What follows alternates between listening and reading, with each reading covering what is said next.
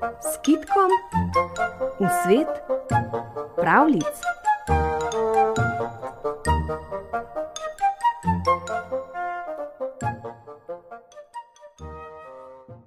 Ljudska pravljica Pastirček. Svoje dni je v Istri, blizu morja, majhen deček pasel nekaj krav, koz in ovac.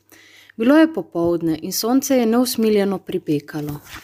Začuden je deček na vsem lepem zagledal tri prekrasne deklice, ki so spale na mehki trati. Bile so vile, mirno so ležale in vsaj na videz sladko spale.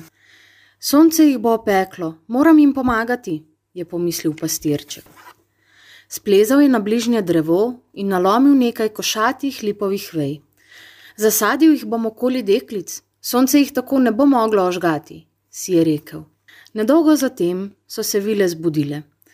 Kdo neki je bil tako usmiljen, da nas je zaščitil pred sončno pripeko, so se glasno čudile.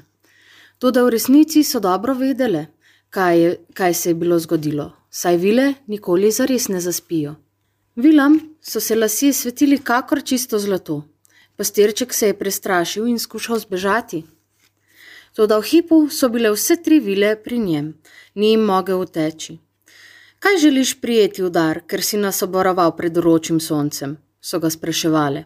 Pastirček pa ni ne prosil, ne pričakoval ničesar. Ponujale so mu najrazličnejša darila, pastirček pa ni maral za nje. Vse, kar je imel za res rad, so bile njegove živali.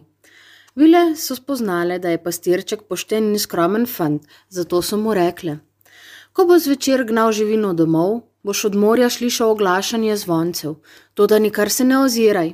Komaj so to izgovorile, že jih ni bilo več. Šele sedaj je pastirček spoznal, da so bile deklice dobre vile. Sonce je vse bolj tonilo v morje in na zemljo je počasi legal mrak. Pastirček se je svoje malo čredo napotil domov. Čim bolj se je bližal domu, tem glasnejše zvonjenje je slišal za svojim hrbtom. Pogledal je nazaj in zagledal veliko čredo krav, kos in ovac, ki so prihajale iz morja in sledile njegovi mali čredi. Toda v tistem trenutku, ko se je ozrl, se je vse prenehalo. Kljub temu je pastirčku ostala čreda, ki je bila že na suhem. Tudi to je bilo dovolj skromnemu pastirčku. Še več, nekaj živali, ki so mu jih podarile vile, je celo razdelil med svoje revne sosede.